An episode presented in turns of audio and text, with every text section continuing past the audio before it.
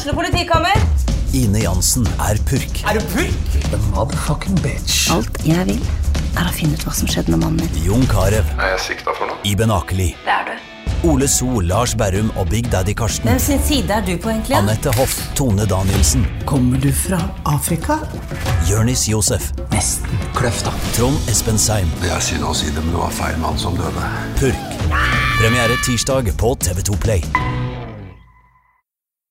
Hei, og velkommen til en ny episode av Debrif med Dag Sørås.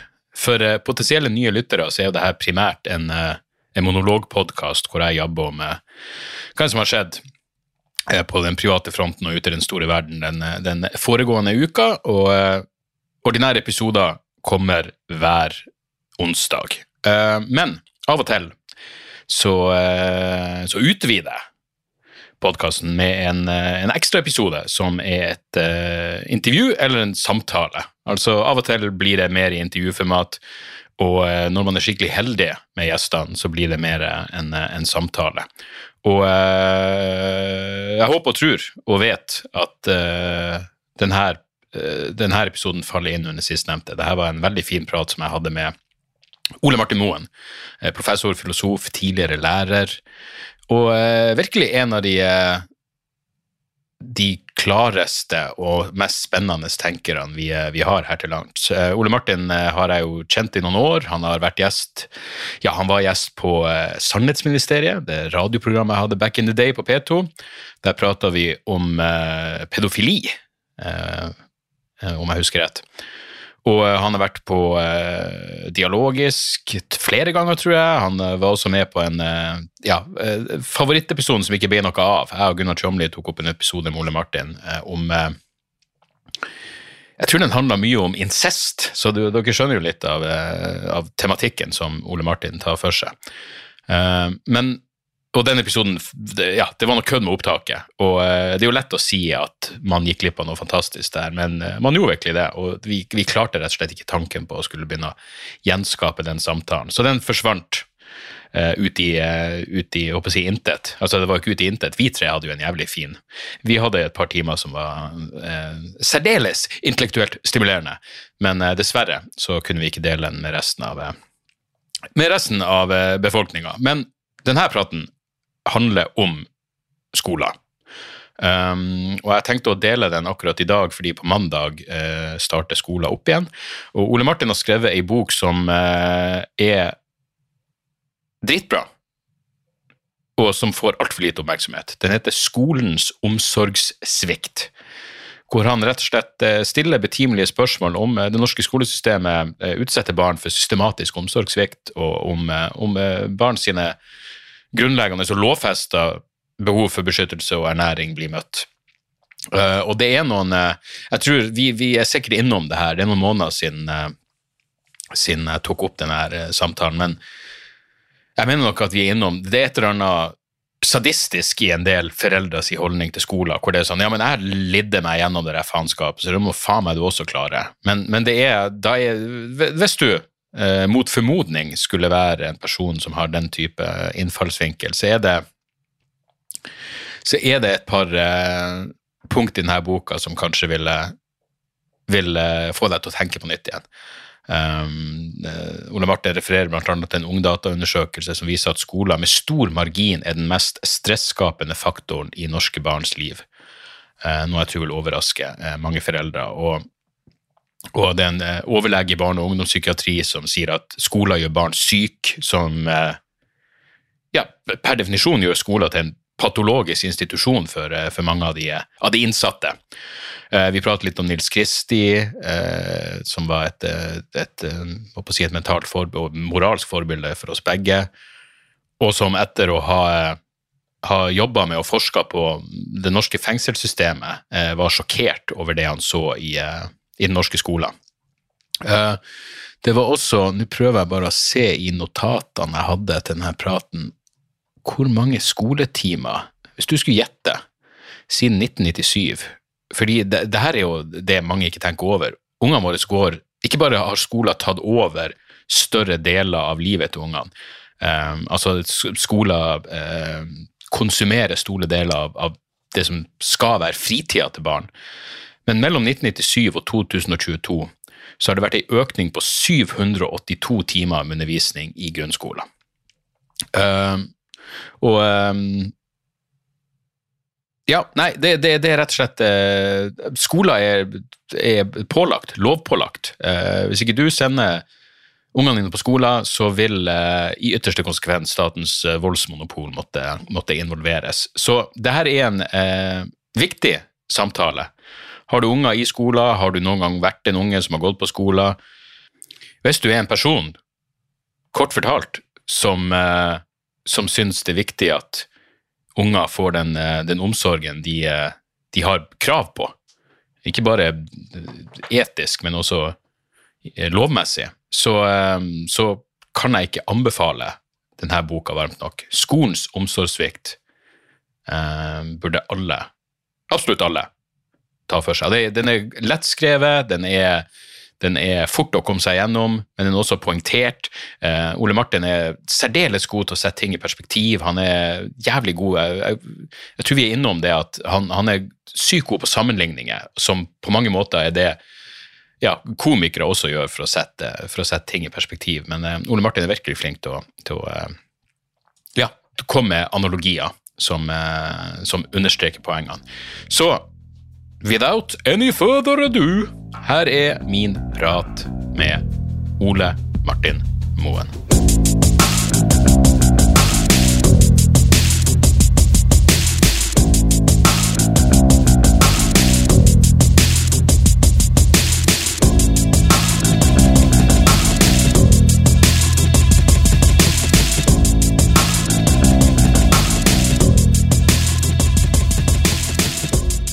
Du er velkommen til podkasten, Ole Martin Moen.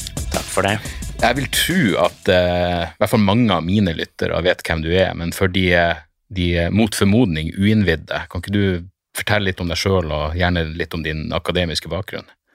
Ja, hvem, hvem, jeg er? Uh, jeg er Ole Martin Moen, altså. Jeg er uh, filosof. professor ved Oslo OsloMet. Jeg jobber med for det meste temaer innenfor anvendt etikk.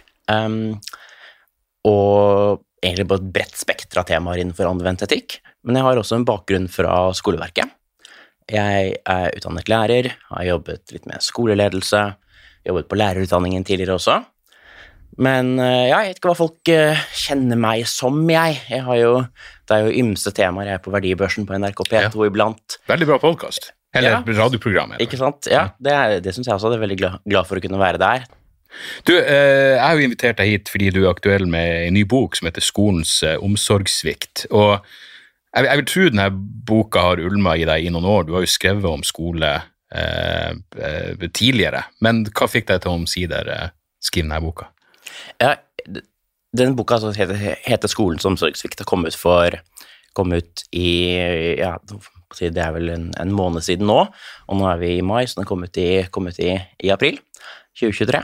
Um, og det er en det er en ganske liten bok, den er på bare 120 sider. Um, du tar den i ei sitting? Men den uh, Ja. Uh, Ikke skriv den, men nei, les den. men du, du, du leser den i én sitting? Ja. ja men det, det, er bra. Ja, den, den, skal være Jeg har jobbet mye for at den skal bli så kort. Hadde jeg hatt dårligere tid, så hadde den blitt mye lengre. Um, og uh, jeg har prøvd å finne ut Altså, jeg har tenkt på skole og skrevet om skole før også. Uh, og har tenkt at det er et som er, det er et eller annet i skolen som ikke er helt bra som institusjon. Um, og jeg har vært tilhenger av forskjellige reformer. Uh, jeg tenkte ok, vi må flikke litt på det eller flikke litt på det. Uh, men jeg har liksom ikke klart å sette helt fingeren på hva er det som er problemet med, med skolen, før jeg egentlig fikk skoleverket litt på avstand. Uh, for jeg jobbet mye i skoleverket, men nå jeg, altså, fikk jeg det mer, mer, på avstand. Og jobber nå på et helsevitenskapelig fakultet, det er der jeg er ansatt nå. Uh, og på en måte så, og der er jo blant annet da, innenfor helse og, sosial, helse og sosialfag så er jo omsorgssvikt et viktig, viktig begrep. Um, og jeg begynte å sette meg litt ordentlig inn i den litteraturen, og begynte å ja, anvende uh, tenkemåtene fra det feltet på skoleverket. For det er jo slik at skolen har omsorgsansvar for barn mens de er der. Um, og da må vi jo kunne spørre oss om skolen fyller sitt ansvar, om den klarer å møte barns grunnleggende behov, som er det man, det å yte omsorg vil si, eller om den ikke gjør det, eventuelt ikke har rammene for å kunne klare å gjøre det. Så det er litt sånn bakgrunnen for at den boka kom nå, er nok mer at eh, det er kanskje et drøyt år da, siden det klikket litt på plass for meg at det er at vi må, må si, snakke om skolens omsorgsrolle. Og da er det viktig at omsorg igjen, det, det handler ikke om å sitte og dikke og dille. Det er ikke det omsorg er, å klemme og trøst. Det kan være det også, men det handler om å sikre at noens grunnleggende behov er møtt. Ja, og det du- kan, det kan in, in, in, innebære å stille krav. Ja, eh, Sette du, grenser. du, du prater jo om eh, eh, fem grunnleggende behov som barn har, og så er det tre av dem som er relevant for skolen, er ikke det? Er ikke det? Ja, altså, jeg, jeg prøver jo å Altså, eh, barnepsykologi og slik er ikke helt mitt fag, så jeg prøver jo der jeg Når jeg skal for, diskutere dette, dette temaet, og forholde meg så langt som mulig til på å si, etablert fagkunnskap, og det finnes forskjellige modeller for og forståelser av barns behov. Men det jeg forholder meg til her, da, for å på en måte ha et litt sånn trygt skjær å, å hvile på, er jo da Verdens helseorganisasjons forståelse av hva er det som er barns grunnleggende behov. Og de, de sier egentlig det er fem grunnleggende behov. Emosjonelle og sosiale behov, ernæringsbehov, beskyttelsesbehov, læringsbehov og behov for helsehjelp. Det er slik de på en måte deler opp dette. Og helsehjelp er ikke noe skolen egentlig skal gi, det er ikke skolens ansvar, det er helsevesenets ansvar. eh, Eventuelt skolehelsetjenesten, men den, den er ikke en del av skolen. Den er bare helse, helsevesenets tilstedeværelse der. Og jeg skal på en måte vurdere skoleverket her, ikke, ikke helsevesenet. Og læringsbehovet til barn, det er jo det eh, veldig mye av diskusjonen, nesten all eh, diskusjonen eh, om skole ikke, Nesten all, det var litt mye, men svært mye av diskusjonen om skole handler om. Så det å fokusere på i, i boka her, da, av de, de grunnleggende behovene, altså barns emosjonelle og sosiale behov, ernæringsbehov og deres beskyttelsesbehov. Og eh, jeg spør meg altså om, om skolen har klarer å møte de behovene og rammene for å kunne klare det, og eventuelt også om eh, skolen gjør noe, eller har systemiske trekk, som, eh, som kan være direkte skadelige. For du kan på en måte, du, du, kan, du kan skade barn på to måter. Du kan skade folk på to måter. Du kan enten ha en forsømmelse, da, de, da er det noe du burde ha gjort, som du ikke har gjort. Um, for eksempel, du har ikke sikret at noens ernæringsbehov for eksempel, da, har blitt møtt. Uh, hvis du har et barn, du får ikke riktig mat. Men du kan jo også gjøre aktive handlinger som påfører skade, uh, som er mishandling.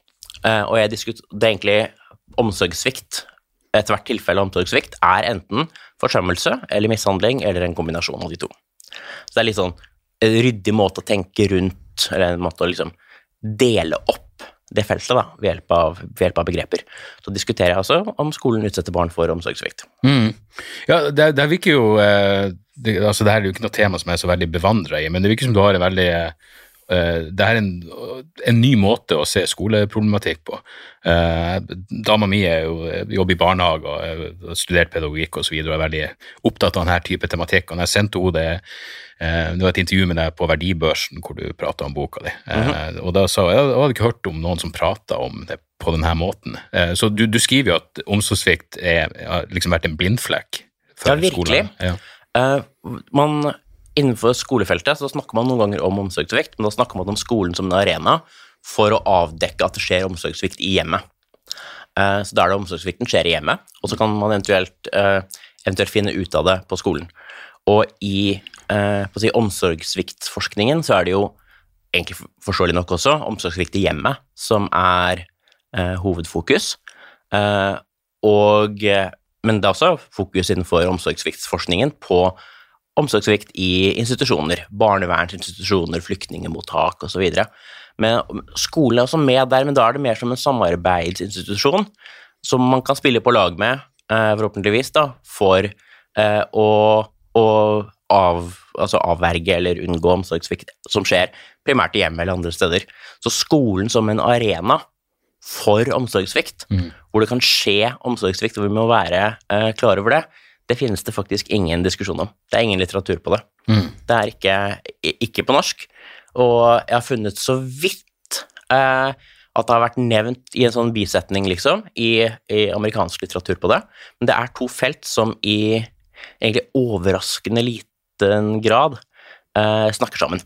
Altså i en slik forstand at, vi, at det blir vurdert at skolen som en, en aktør som har altså Det er jo egentlig litt slående at skolen har et omsorgsansvar, men vi diskuterer ikke om den møter det. Vi diskuterer mange ting som er relevante for det, sånn som altså lekser og mobbing og innemiljø og utemiljø osv., Mm. men vi, vi diskuterer ikke om det utgjør omsorgssvikt, og vi har heller ingen eh, per i dag tilsynsorganer som skal tilse, eller som skal vurdere om skolen faktisk møter barns omsorgsbehov. Jeg tror du det er fordi man, man, man kun har fokusert på eh, liksom av, de, av de grunnleggende behovene, så er det det eh, hva kalte det, læringsbehov. ja, det- Liksom at det, det ser på som det er skolen sin, egen, en, sin eneste jobb. Jeg kan jo huske at For flere år siden så pratet jeg med noen om, eh, om skolemat, og da eh, ja, Du fikk meg til å skifte mening der, men da dro jeg det klassiske. Det, det må da være foreldrene sitt ansvar å se til at ungene har med seg eh, ernæringsrik mat på skolen. Men som du skriver, det her må være den eneste tvangsinstitusjonen hvor, hvor, hvor man ikke eh, har eh, eh, hvor, hvor det ikke blir servert mat. Ja, Ja. altså jeg bare er dag så er jeg innlagt på et sykehus også, men altså, Ja, det, det, altså, vi- underkommuniserer, det kan vi sikkert komme til også, men skolen har jo altså, Skolen handler på en måte om læring. Man er lærer når man jobber der, har gått på lærerutdanning, og man har læreplanmål, og man har vurderinger av det. altså Alt er knyttet veldig til at man skal lære, og da læring i skolefag. Klart Det er jo bare en liten del av læring igjen. Du har masse læring som ikke er læreplan, som ikke er eh, ikke skjer i henhold til en læreplan, du bare lærer hvordan du skal bruke kroppen din og fungere i verden, liksom. Men, men, men skolen er veldig orientert inn mot skolefag, og det ga jo veldig mening eh, da skoleverket ble bygget ut på 1800-tallet, for da var skoledagene stort sett relativt korte, eller annenhver dag i alle fall. Og eh, skolegangen var tre år og ble på slutten av 1800-tallet fem år. Men en relativt liten del da likevel av barn og unges hverdagsliv. Men så har skolen vokst og vokst og vokst, og blitt egentlig der det stedet hvor barns hverdagsliv er, gjennom mesteparten av barndommen. Og det er pålagt å være der på dagtid i ti år, og man må i praksis være der enda lenger også for å få tilgang til eh, de fleste yrker. Og, og da må man jo på et eller annet tidspunkt stille seg spørsmålet om, eh, om hvordan ideen spiller en annen rolle i barns liv enn hva den gjorde, før.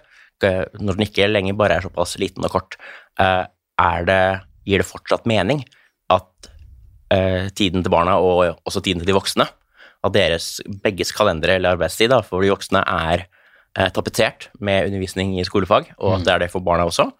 Eller er det noe vi ikke egentlig vet om er til beste for barn? Det må vi jo kunne spørre oss. Ja, Gjør, gjør, og det gjøres ikke noe særlig innsats for å finne det ut heller. Nei, eh, det er jo slik at, at for alle avgjørelser som angår barn, så skal barns beste eh, være det man kaller grunnleggende hensyn. Det er vi forpliktet til gjennom FNs barnekonvensjon, og det er også forpliktet oss direkte i Grunnloven. Um, og da må man finne ut hva identifiserer barns beste, og, som er et faglig spørsmål. Og så må man, Det er delvis et verdispørsmål også, men langt på vei et faglig spørsmål. Og så må man gjøre en, en vurdering eh, eh, av ja, hva, som, eh, hva som utgjør barns beste, og veie det mot eventuelt andre hensyn, da, økonomi f.eks., eller andre ting. Så det er ikke gitt at barns hensyn, trumf, hensyn til barns beste skal trumfe alt alltid, men det er på en måte et vektig hensyn. da. Og det er veldig rart at i utviklingen av skoleverket og nå i, i den såkalte fagfornyelsen eller Kunnskapsløftet 2020, som har vært nå, så er det ingen barns beste-vurderinger. Eh, som ligger til grunn. Eh, gått gjennom forarbeidene nå. Det, det, det gjør man ikke.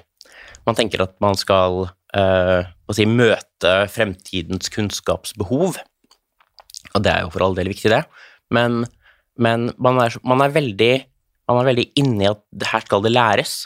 Det er det vi holder på med her, og det er nesten så eh, man i pedagogikkfaget i skolen tar for gitt at omsorgsbehov at ellers er møtt, og at man på en måte fra en sånt, et sånt grunnlag kan bygge videre på å jobbe med, med, med, med øh, kunnskap. Um, men vi kan jo ikke ta for gitt at det er sånn.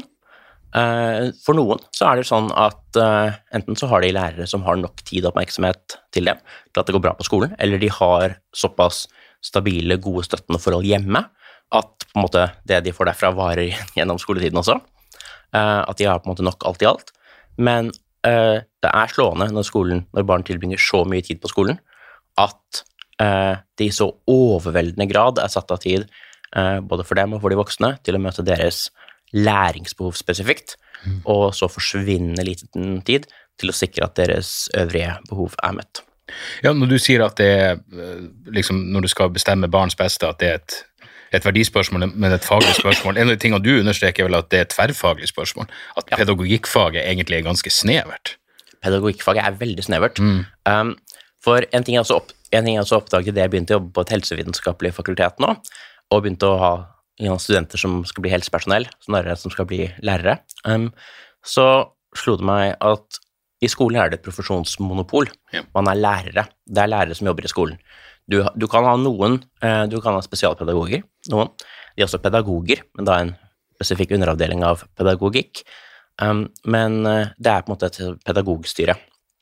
Du sammenligner det med helsevesenet. Som Ja, mm. for der er det veldig mange forskjellige profesjoner inne. Du har leger, du har psykologer, sykepleiere, vernepleiere, ergoterapeuter Altså du har veldig mange forskjellige eh, profesjoner inne, og det er veldig allment anerkjent i helsevesenet at det at man har denne bredden av ulike profesjoner, og ulike da, fagtradisjoner, bidrar til at ikke alle har de samme blindflekkene eh, når man skal eh, ta, fatte avgjørelser. Eh, og ja, jeg skjønner jo idet man utviklet skoleverket, og det var såpass eh, det, var, det var en ganske liten del av barns liv, så skjønner jeg at man fokuserte på skolefag, og altså at utdanningen også var på en måte fagutdanninger.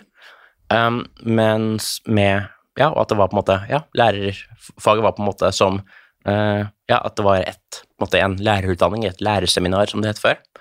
Um, men gitt at skolen har omsorgsbehov for barna, som den ikke hadde før, og gitt hvor stor skolen, hvor stor del av barns hverdagsliv skolen er, da, så må man jo spørre seg om pedagogikkfaget er, eh, er bredt nok til å kunne dekke barns behov. Jeg gir en del grunner i boka til, å, til hvorfor, man, hvorfor vi absolutt ikke bør tro det. Mm.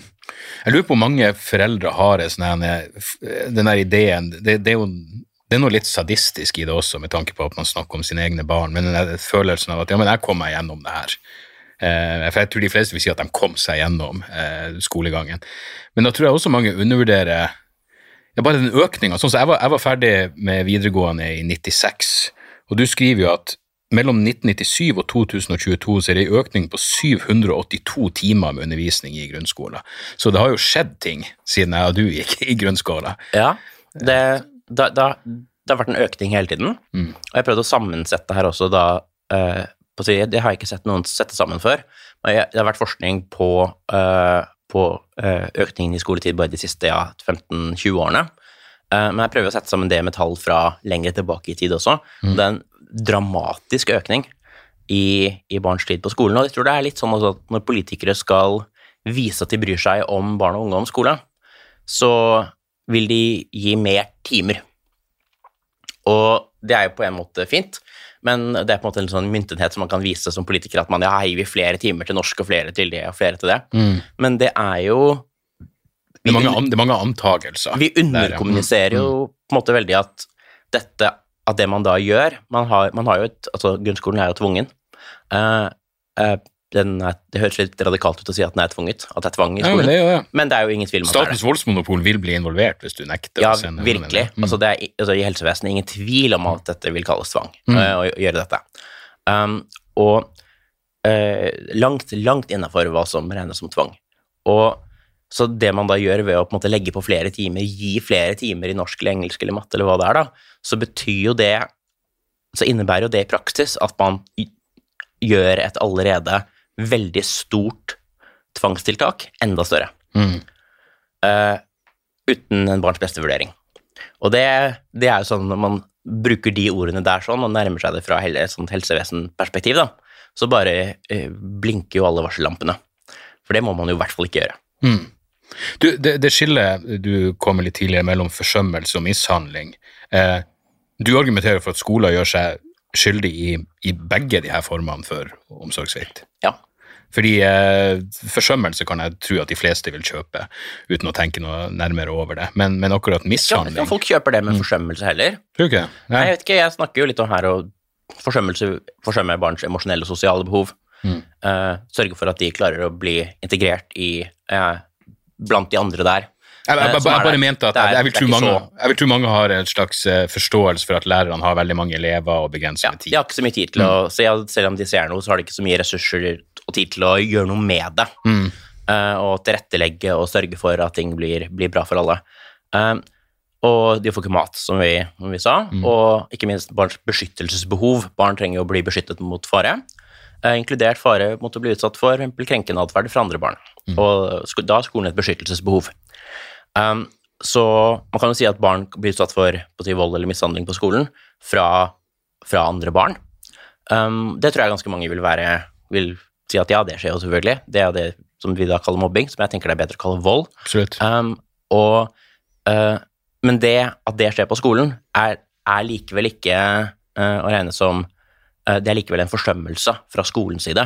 Det er mishandling fra andre barn, men det er en forsømmelse av, skolens, altså av barns beskyttelsesbehov sett fra, fra skolens side. Men det er spørsmålet, da, er som du kanskje tenker er mer radikalt.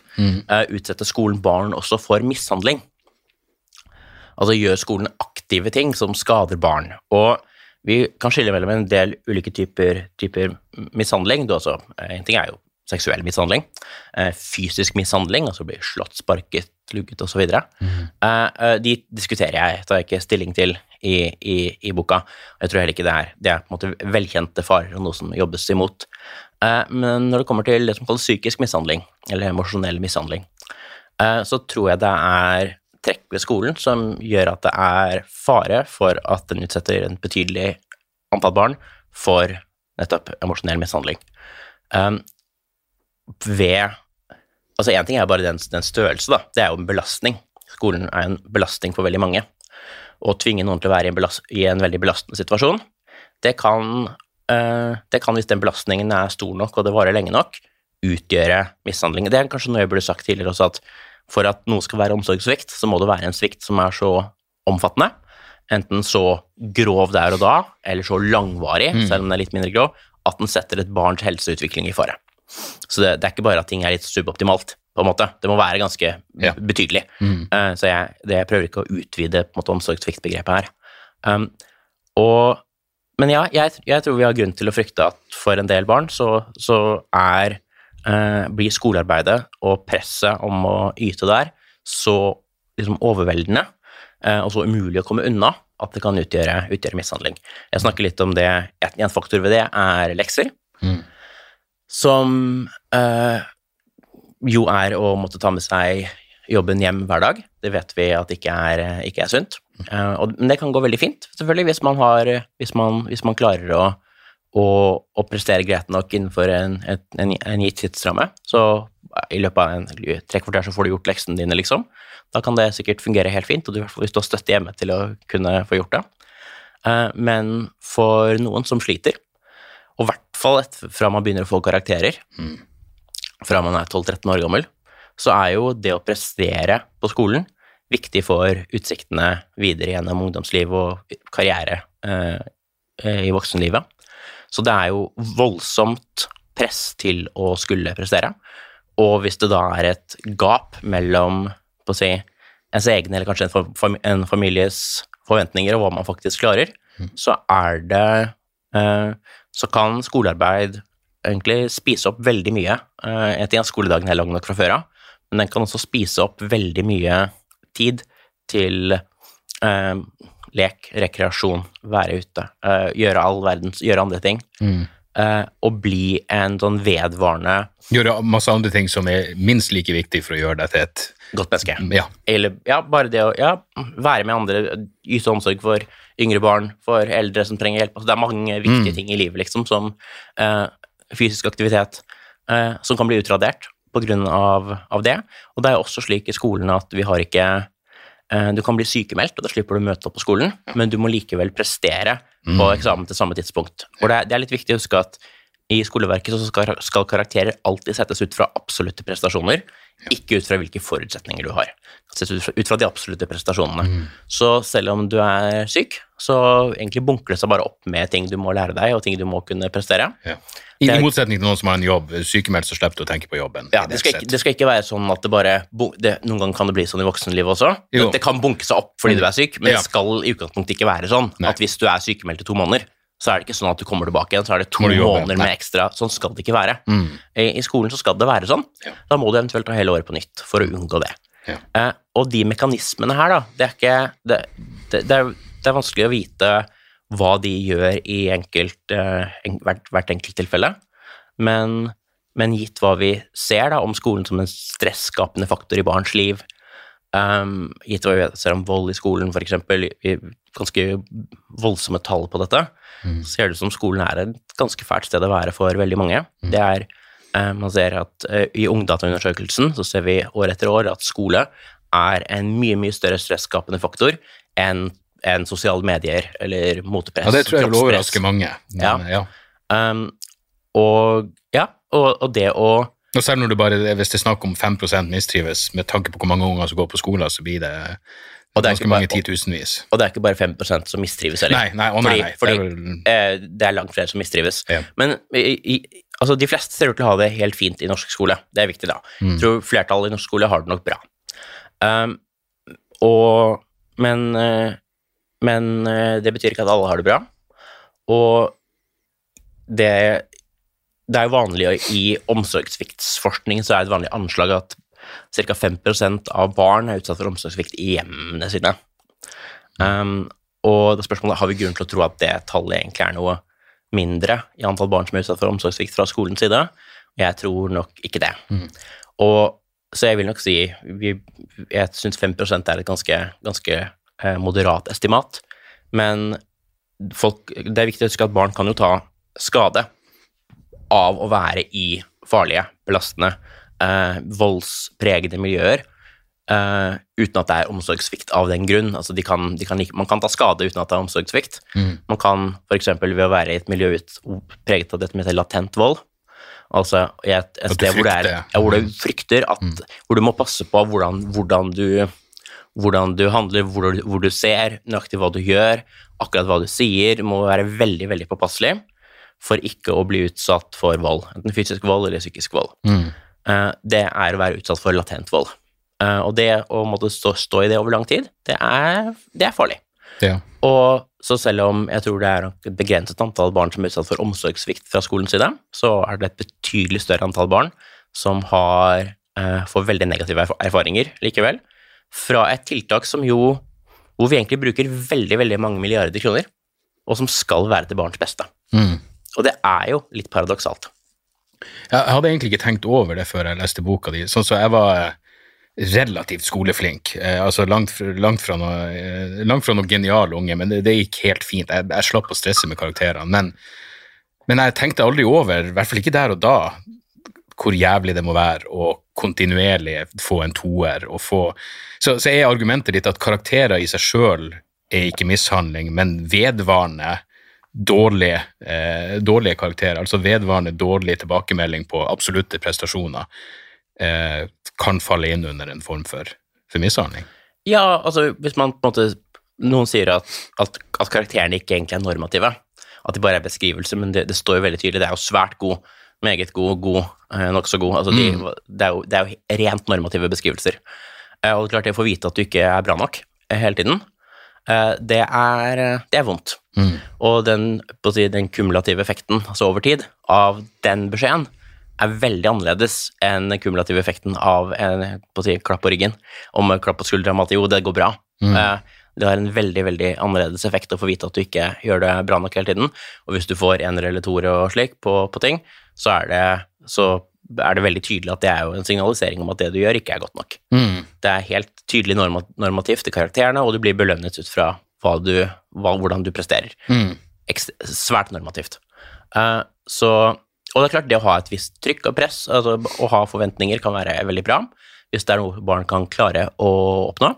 Men hvis det bare blir en sånn overveldende tyngde som bare presser deg ned over tid, så er det skadelig. Da, og hvis skolen tvinger noen til å eh, enten være i et skadelig miljø, eller pålegger byrder som eh, ødelegger barns mulighet til å kunne ha eh, et velfungerende liv utenfor skolen også, så vil det være å regne som mishandling.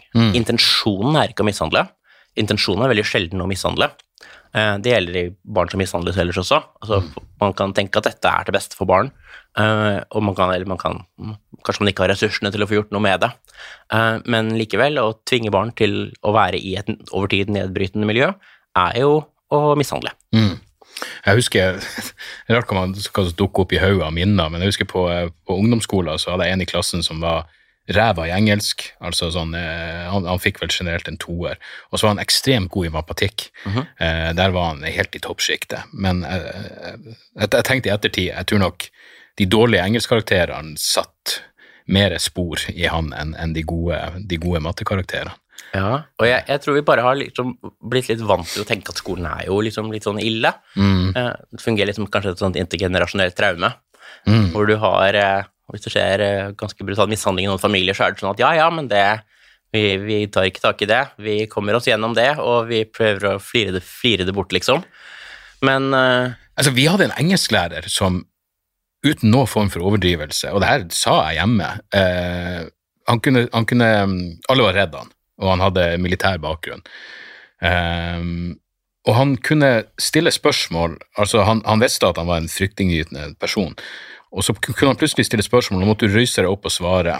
Og da hadde han en greie han pleide å gjøre, at hvis du ikke klarte å svare, så skulle de andre i klassen det høres helt sykt ut, men det er sant, stirre på personen til han rødma.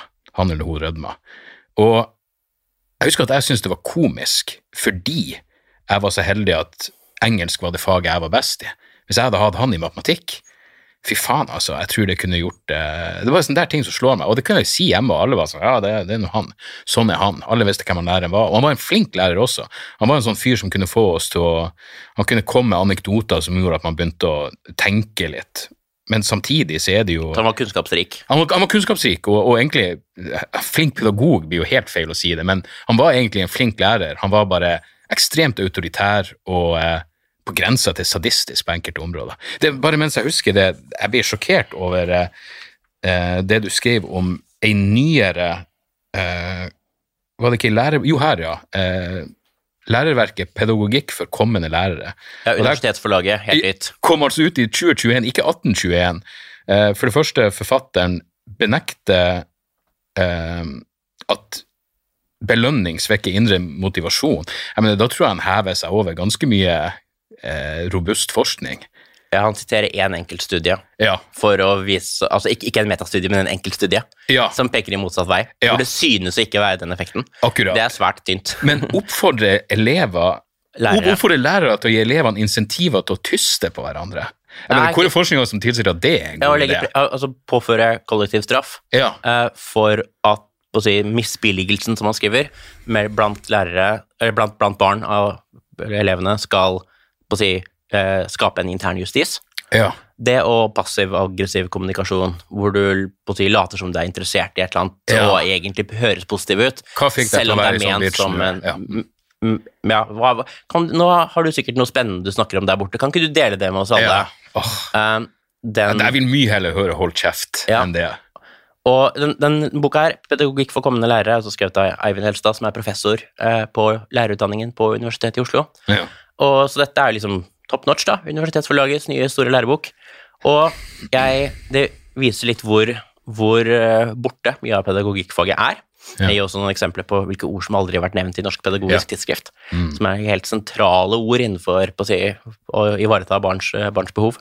Um, men ja, jeg eh, Jeg må bare si Det minner meg om en scene i filmen Full Metal Jacket, hvor det er rekrutter som da skal sendes til Vietnam for å krige, hvor han ene er, er overvektig og klarer ikke å henge med. Så det han er en, eh, hva en slags militær posisjon han har, sjefen deres gjør, er at han får sitte og spise kake. Hver gang han fucker opp, så får han sitte og spise kakestykke, mens alle de andre må ta pushups. Som selvfølgelig da skal føre til at alle begynner å hate denne personen enda mer. Det, det, det er en sånn der, er en blanding av militærkultur og tysterkultur som umulig kan være sunt, og som høres helt horribelt ut. Nei, nei, vi, vi vet jo at det ikke er, det ikke er, ikke er sunt. Mm. Men lærere står jo også i en litt sånn umulig posisjon, fordi lærere skal jo uh, sikre at barns behov er møtt når all tiden deres er satt av, eller nesten all tiden er satt av, til å undervise i skolefag. Mm. Og det er mye jobb å undervise i skolefag. Uh, når man underviser på ungdomsskolen, så har man 15-20 timer med undervisning, altså i klasserommet, i uka. Det er mye. Og uh, hvor det, undervisningen skal forberedes, og det er etterarbeid, og det er altså retting, og det er, det er veldig mye.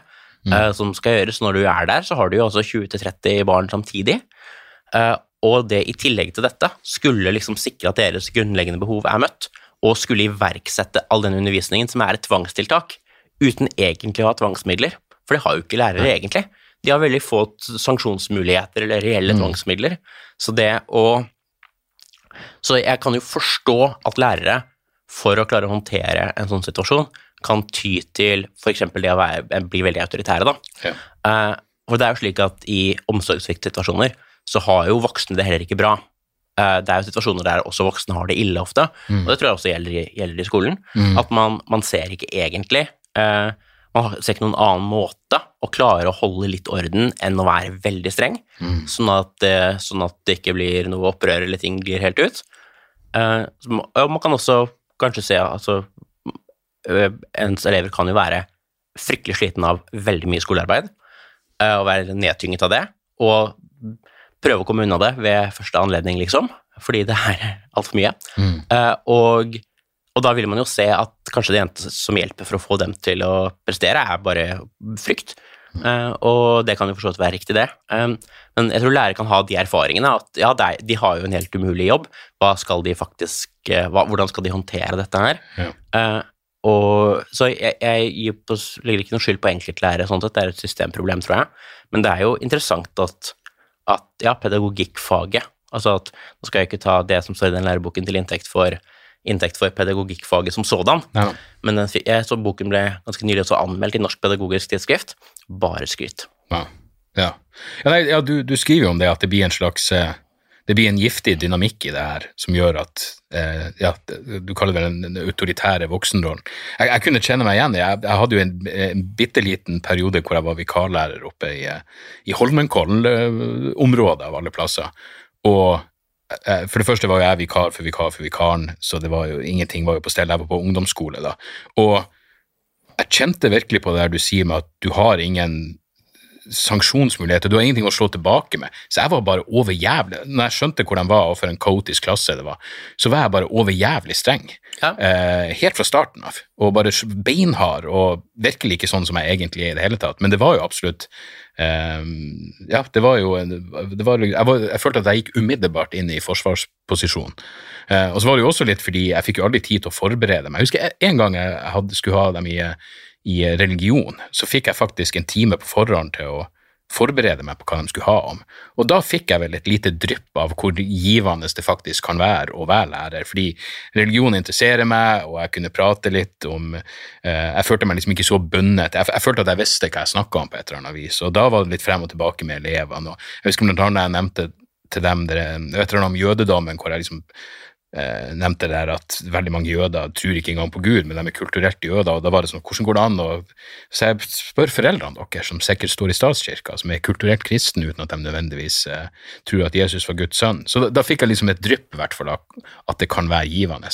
Mens i de Kan fleste, være fantastisk. Ja, Ja. For men i de fleste andre situasjonene så var det jo, eh, var det jo helt grusomt. Men du nevner jo i boka di den eh, Simon Malkenes er jo en venn av meg, og det, den situasjonen han havna i når han liksom beskriver i en slags sånn limerick-form hva som foregår i klasserommet, eh, hvor eh, han skulle lære noe om Nordahl Grieg eller noe, og ingen hører etter, og elevene gjør hundre forskjellige ting. Og, og da skriver du at det, da må man ta en slags strategisk avgjørelse om at kanskje ikke det å fokusere på pensum er det riktige å gjøre akkurat i den situasjonen. Nei, man må jo, man skal jo som lærer også uh, gjøre det som er til, til barns beste. Mm. Uh, og jeg vil også bare si at jeg, jeg, jeg snakker jo om barn her, litt med vilje. Man snakker jo ofte bare om elever i skolen. Jeg tror det underkommuniserer litt at de er barn. Ja. Um, fordi elever har ikke noe andre behov enn læringsbehov. Det er Nei. bare deres rolle i Så systemet, jeg på en måte. det, det, du, du nøster opp i noe sånn orwellisk språkbruk som er Ja, det er, det er, litt sånn vi, vi, vi, Det ligger en del sånne Ja, sånn som Orwell snakker om, eller Foucault snakker om, Mm. innenfor eh, på psykiatri og innenfor fe- fengselsvesen og sånne ting også. Du har disse begrepene, disse rollene. Mm. Vi, bruker, vi bruker ikke samme begreper. Vi kaller dem ikke barn, vi kaller dem elever. Vi kaller ikke voksenpersoner der, de er lærere. De er, eh, det, er ikke, det, er ikke, det er mobbing, det er ikke vold, eh, det er ikke omsorgssvikt. Mm. eh, Det er ikke tvang, egentlig. Det er jo, vi kaller det obligatorisk. Ja. For de er litt sånn som er mer sånn tvetydige ord. Så vi på en måte bruker begreper som bidrar til å, å måte tildekke hva, hva det egentlig er vi gjør. Og ja, nei, det er Du, du sa dette med, med, med, med hvor tungt det må være på, på skolen når, når, når man eh, får lave karakterer igjen og igjen, og man må klare å prestere, da.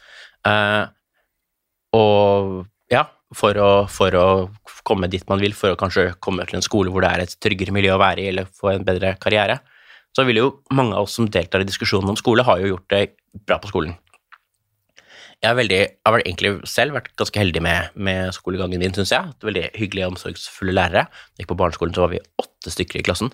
Oi. Jeg kom fra et lite sted som heter Darbu, mellom Kongsberg og Drammen. Jeg tror det kan gå begge deler. det, det kan gå begge deler, men da hadde vi en veldig hyggelig, veldig hyggelig eh, lærer. Og eh, jeg har selvfølgelig litt varierende ting også, men jeg har stort sett klart skolefag godt, og sluppet å egentlig bruke veldig mye tid på å klare å score godt høyt eh, på det meste eh, i skole. Så jeg har på en måte klart meg godt på skolen, og det har, du, har jo du også. Og det er jo stort sett de som gjorde det bra faglig på skolen, som deltar i det offentlige ordskiftet om skolen. Og da er det Uh, lett å tenke at ja, ja, vi syntes jo skolen var, det var fint, det, og vi hadde kanskje ikke noe, hadde kanskje grein, en grei nok omsorgsbase hjemme også til at det ikke var, ikke var sånn uh, til at vi kunne klare å takle, takle skolen. Men, og ja, skole, vi var jo interessert i disse skolefagene, vi følte at vi presterte der. Men jeg tror for sånne som oss, da, så kan det være, kan det være nyttig å, å, å tenke oss for eksempel da, at vi byttet ut liksom det, at vi snudde om på det, de, te, de te, si, skolefagene, teoretiske fagene, og sånn kroppsøving, for eksempel gym. Kunne se for deg at skolen var for det aller meste kroppsøving. Eh, at det var det liksom fire-fem dagen- fire-fem dager i uka, så var det kroppsøving, og det var forskjellige typer, da. Det var eget fag med ballspill, eget fag med kasting, eget fag med løping, eget fag delt delta på 100 måter. Og du må få karakterer i alle disse prestere. Du får, du får karakterer etter absolutte prestasjoner i, i, i gym. Du må klare å løpe så fort, du må klare å kaste så langt, du må klare alle disse tingene. Og ellers så kommer du ikke videre i systemet ditt. Eh, og så er det kanskje et par få timer i uka til å jobbe med norsk, engelsk og matematikk og sånne ting. Jeg hadde jo fått totalt fnatt i et sånt system. Ja. Og jeg hadde jo fått Jeg, hadde hadde fått angst- Jeg hadde fått, ja, som vi kaller det. Ja. Eh, eh, som, jeg hadde fått angstanfall av å se en gymsal eh, hvis jeg hadde hatt det sånn på skolen. Men jeg tror for en del så er det litt sånn det oppleves, altså. Eh, så det er på en måte de kan si, teoristerke, da. Det er jo, det er jo eh, de av oss som er som gjerne liker teori, som eh, gjerne blir de som er med på å utforme lover og regler og er med i samfunnsdebatten og slike ting. Tror jeg vi må tenke litt gjennom at det er ikke sikkert at vi er et representativt utvalg. Nei, det er jo akkurat det der, liksom, for jeg kan jo huske Ja, som du sier, jeg, liksom, jeg trives bestandig hadde en eller annen form for jeg, jeg, jeg, tror ikke, jeg tror at jeg ikke ble skolelei, fordi det var liksom ikke noe problem. Jeg syns det var helt greit, egentlig. Uh, men eksempel når det kom til sløyd, da kunne jeg huske hvor liksom hadde medelever som virkelig lyste opp og, og var helt fantastisk, hvor jeg var 100 inkompetent. Eh, endte opp med å skade meg sjøl halvparten av gangene jeg fikk ei sag. Og, eh, så, så mm, om ikke annet, så, så lærer man jo selvfølgelig det er- det er evinnelig at folk er forskjellige, men det er, jo, det er jo ingen tvil om at overvekta var i, eh, si, i vår favør, som liker litt mer sånn teoretisk tilnærming til, eh, til Ja, og skolen blir jo mer teoretisk også. Den starter jo nå også før. Den starter jo når man er seks år. Ja. Vi startet jo på skolen som sjuåringer, Mm. og det er jo også et forskjell. Og en del er jo også fem år når de starter. Det er Ja. året de fyller seks. Så det er jo Ja, det er, det er, det er mye skole, og den er stor. jeg, jeg, jeg skulka jo Jeg husker svømming var noe som jeg hadde noia for. Og igjen, det var jo sånn jeg, jeg må understreke at jeg hadde ganske sånn Men det er jo stort sett, i hvert fall i mitt hode, så er det de negative eh, hendelsene som har festa seg best. Det kan jo bare være måten min psykologi funker på. Men jeg hadde, jeg hadde noen flinke lærere, men de kan jeg faen meg telle på ei hånd. Og så hadde jeg ganske mange som var eh, relativt middels. Men jeg husker at jeg var livredd for svømming. Og jeg mener at jeg sa det til læreren, det var jeg og han som var bestekompisen min, men læreren var bare sånn Jeg ser fortsatt for meg situasjonen, fordi det var et, i tillegg kom han bort til oss mens vi var i dusjen, som gjorde at det var sånn, jeg følte det enda mer bokstavelig talt naken. Men sånn som jeg husker det, så med forbehold om at det her er lenge siden, så var hans tilmelding det her må dere bare komme dere over. liksom. Dere må, dere må være med på svømminga. fordi det var liksom en av de få gangene jeg kan huske at jeg, for jeg var veldig medgjørlig og gjorde det jeg fikk beskjed om, og pliktoppfyllende, men hvor jeg bare gikk ut av bassenget og sa det her er jeg ikke med på. Fordi da, da skulle vi ha noe sånn svømmekonkurranse, og grunnen til at jeg ikke ville være med, var at jeg visste at jeg kom til å Det var stafett, da. Og da visste jeg at jeg kom til å fucke opp for laget mitt. Hvem enn jeg havna på lag med. Og det, det, tanken på det var så jævlig og ydmykende at jeg bare gikk opp av bassenget. Men da burde jo på et eller annet tidspunkt ærlig talt noen liksom ha tatt tak i meg etterpå og spurt hva problemet var. Det er det ingen som hadde har tid til. Nei, det er akkurat det der. Fordi, og, og, og for den svømmelæreren også. Mm. Altså, fordi du kan ikke Altså, hvis du, hvis du da gir deg, deg et, et sånt mulighet for å slippe unna det eller det, da, så er det lager du insentiver til at andre kan komme og spørre om det også. Ja. Du har ikke tid til det. Så du må bare være hard, du må kjøre på. Alle må. Mm. Du må bare lukke øynene litt for at dette sikkert ikke er bra for noen. Du må bare mose på. Mm. Og når du skal prøve å få til mye innenfor li, lite tid og med lite ressurser, så må du gjøre sånn. Ja. Uh, dessverre. For å få det til å funke. Og det er en eh, brutal systemsvikt ved skolen. Ja, altså, eh, du har jo et ganske siterende sitat. Du siterer en, en overlege i barne- og ungdomspsykiatrien som sier at skoler gjør barn syke. Og jeg mener, det, det gjør jo skoler per definisjon til en ganske sånn patologisk institusjon, i hvert fall for, for, for enkelte av de innsatte. Og, og bare for å understreke det også, den fengselsanalogien er jo ikke flåsatt ment. Du skriver jo at eh, Nils Kristi var forska på fengsel, og selv han fikk litt bakoversveis når han da skulle begynne å se på skolesystemet. Ja, både han og Espen Skåning har jo gått fra å være Han, øh, øh, han var jo på din podkast en gang, var Ja. han ikke det? Mm. Ja. Uh, men, altså, altså Nils Kristi. Ja. Men ja, at to av de liksom, fremste liksom, fengselsforskerne i Norge har gått fra å først jobbe i fengsel, og så, med, så til skole. Mm. Og så blir, skal man tro at da er det jo Da er jo de da er jo skole bare peanuts, Ja. sammenlignet. Ja. Eh, men når liksom erfarne fengselsforskere går fra fengselsfeltet til skolefeltet og sier 'herregud, dette er jo fullstendig krise', Mm. da bør vi våkne litt. Ja, ja absolutt. Det er, jeg lurer på om det er ja, du, du har også eh, Arild Bjørndal, professor i samfunnsmedisin ved Universitetet i Oslo, direktør for, for BUP i øst og sør. Han sier at i løpet av skoletida er det altfor mange barn som forvandles fra lykkelige unger til veldig bekymra, stressa tenåringer. Jeg lurer på, jeg, jeg, jeg kan ikke huske det, det må ha skjedd et eller annet, eller så var bare jeg heldig, men jeg kan ikke huske at til tross for liksom greie karakterer er jo én ting, men, men jeg, hadde, jeg følte aldri på noe stress i forhold til hva jeg skulle gjøre etterpå. Jeg lurer på om, om, er, om skolestresset både er der og da, men også om det rett og slett er mer fokus på hva, du skal, hva det skal bli av deg etterpå. Det er nok litt fokus på det. Eh, Det er mer voksenorganiserte aktiviteter på ettermiddager og sånn også Ja. nå enn det var før, eh, som kommer i, i tillegg til skole. Um, så eh, Og ikke minst, det er jo slik at hvis skolen er utrygg, så blir jo skolen et sted hvor det er veldig farlig å vise noen form for svakhet. Ja. Så da må man vise at man er konform, og man må finne riktig gjeng å være i. Og da på å si, det, det er jo også en, da en, en veldig stresskapende faktor.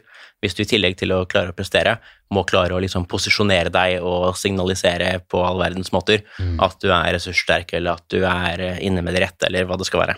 Ja. For det, det er jo en måte for barn å forsøke å takle omsorgssvikt på.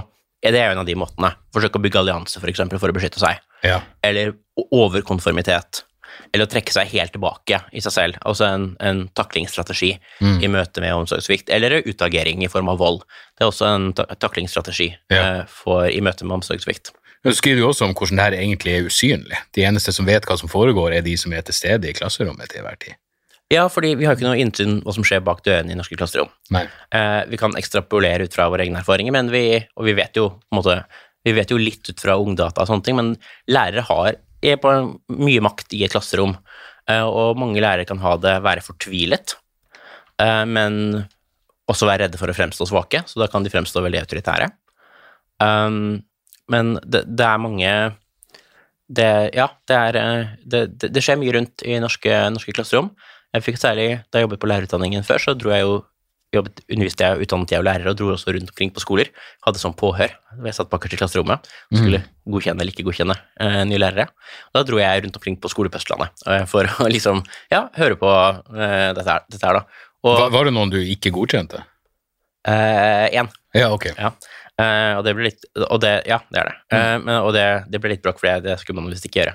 Eh, men det er uvanlig å gjøre. Men noen ganger så må man si stopp. Mm. Men eh, men eh, Og da, da er det litt gris før man, før man sier, trekker i den bremsen. Um, men det er det på de fleste. Så innenfor helsefag også så er det en sånn skikkethetsvurdering. Mm. Altså du må ha en viss på å si, sosial evne. Du må kunne klare å du, du, du, ja, du må ha en fremtoning og en væremåte som, og en sosial kompetanse som er eh, i hvert fall på et grunnleggende nivå. Um, men uh, men da så jeg jo hvor hvor uh, ja, hvor, hvor variert det er. Noen, det er ekstrem variasjon rundt om i, i Norge, fra en, fra en skole til en annen, fra en klasse til en annen. Og det er, eh, det er eh, barn som er veldig utagerende, ofte i klasserom. Det er barn som har trukket seg helt tilbake, kanskje i respons til det. Mm. begge delene er veldig ofte så Spørsmål hvor sterke begge de der er. Eh, du har på en måte de, noen av de mest populære blant guttene og jentene som er litt sånne poler som noen kanskje er trukket imot. Eh, du har Altså, man, man, man ser jo den slags type dynamikker, da, som bare er tegn på at du er i et usunt miljø. Altså det, å, det, er, det er ikke det at noen er mer populære, sånn det er ikke et tegn på et usunt miljø, men på en måte sånn vedvarende støy. Det er jo, Klasserom har jo på en måte felleskontorer. Og jeg vet at det kan være støyt med et felleskontor, men det er felleskontor med 20-30 barn. Eh, Det er mye støy, det er mye som, mye som skjer. Læreren får kanskje med seg 10% av det som skjer, i et, eh, kanskje mindre enn det også, av det som skjer i et, et klasserom. Det er en eh, det, det, måte, det er veldig mange klasser, klasser som bare liksom, liksom permanent har gått over styr. Og det læreren da prøver å gjøre, er, er å få dette til å ikke gå enda mer over La styr. oss bare komme oss gjennom det her. Ja, bare la oss komme oss gjennom dette, og la oss komme oss til fredagen, og la oss eh, koble av. Mm. Og lærere har jo til og med lengre arbeidsuke også, enn hva arbeidsmiljøloven egentlig sier. Du har eh, da i, vi bytter mot lengre ferie, Ja. så har man 40 istedenfor 37,5 timer. Jeg tror mange glemmer av den første delen av det, fordi det, det er noe av det der, ja, men de har så lang ferie og alt det Ja, men, men Det går opp i opp. Ja, ja. Mm. Men, men, ja men, men, men selv med det, da, så er jo det også bare tid til å undervise mer i skolefag, da. Det er jo, du, og det er litt det jeg, når jeg merket også da jeg jobbet som lærer, at, at jeg vet at hvis det er et eller annet problem, så, så har jeg ikke egentlig tid til å klare å ta tak i det. Og hvis du ikke tror du egentlig kan klare å få gjort noe med det, så slutter du å se problemene etter hvert også. Du blir litt blind for det du ikke får gjort noe med.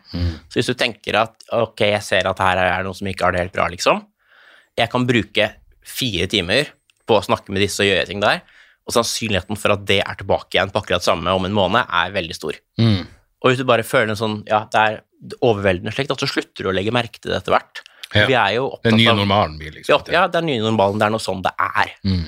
Og ja, dette er, eh, dette er typisk sånn hvor så jeg, jeg tenker, det er egentlig ganske overveldende eh, indikasjoner eller bevis på at, på at det er en stor systemsvikt i skolen. Mm. Og at det går utover barn eh, i betydelig grad. Voksne er jo der frivillig og blir betalt for å være der. Eh, barn er der under tvang, og de er barn, og de er mer sårbare enn voksne er også. Og ba, hvordan barn har det gjennom i sitt hverdagsliv i barndommen, er formende for hvordan de får det gjennom resten av livet. Mm. Barndommen er med en hele livet, som man ofte sier. Og ja, så det eh, omsorgssvikt, eh, hva det måte koster samfunnet i eh, sykdom, eh, psykisk og fysisk, i kriminalitet, vold Altså, jeg tror det er ganske voldsomt, altså. Mm. Og det er eh, det, det, det er eh, det, det er slående, fordi jeg tror ikke problemet i skolen egentlig heller er en mangel på eh, ressurser alt i alt. Vi bruker veldig mye ressurser på skolen, og, men i skoleverket, som de fleste andre steder, så er det lønnsutgifter til ansatte som er hovedutgiften. Det er det i helsevesenet, det er det i skolen, det er det nesten overalt. Eh, har sånn CERN-reaktoren, så er det kanskje ikke, akkurat lønnsutgifter som er det største, men på de fleste steder så er det lønnsutgifter som som er det store. Um, og det er jo bare at vi har øremerket de voksnes tid til å jobbe med skolefag og måle oppnåelser i skolefag, i stedet for at vi uh, setter av tid til å sikre at barns grunnleggende behov er møtt. Jeg husker en enda sånn anekdote fra min barndom, var at og det her husker ikke jeg, men det var mora mi som fortalte meg det da jeg var i voksen alder. at det, Jeg husker en person, vi hadde en i klassen på barneskolen som var Alle var livredde han. Var, han var fysisk stor i tillegg til at han hadde det helt jævlig hjemme. Så han var utagerende og voldelig og alt det der. Eh, og så fortalte morsomt meg at plutselig så, jeg, så gikk jeg fra å være glad og fornøyd til å helt stille og inneslutta. Hun visste ikke hva, det, hva problemet var. Jeg ville ikke på skolen, og eh, eh, hun kontakta læreren eh, Ulf, som jeg hadde på den tida. Jeg tror det var han som var læreren min da. Og da viste det seg at jeg var blitt plassert med siden av han her karen.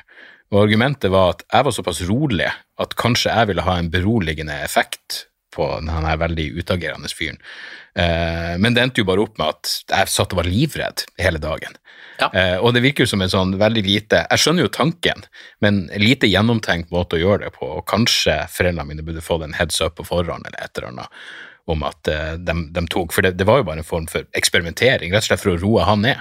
Så da føler jeg vel at ingen av våre, verken mine eller hans, eh, omsorgsbehov ble så veldig godt, godt bevart. Nei, man får litt en beskrivelser fra klasserom, minner litt om sånne beskrivelser man får fra, fra psykiatriske avdelinger for eh, 30-40-50 eller mer også år siden, hvor, hvor, man liksom Ja, du har et asyl hvor du har folk, og du må bare klare å håndtere det på en eller annen måte. Og da snakket man også om liksom, håndtering ikke bare av enkeltpersoner, men av helheter. Så avdelings, altså klare å styre innsatte på en avdeling, og det sier man i skolen også, klasseledelse.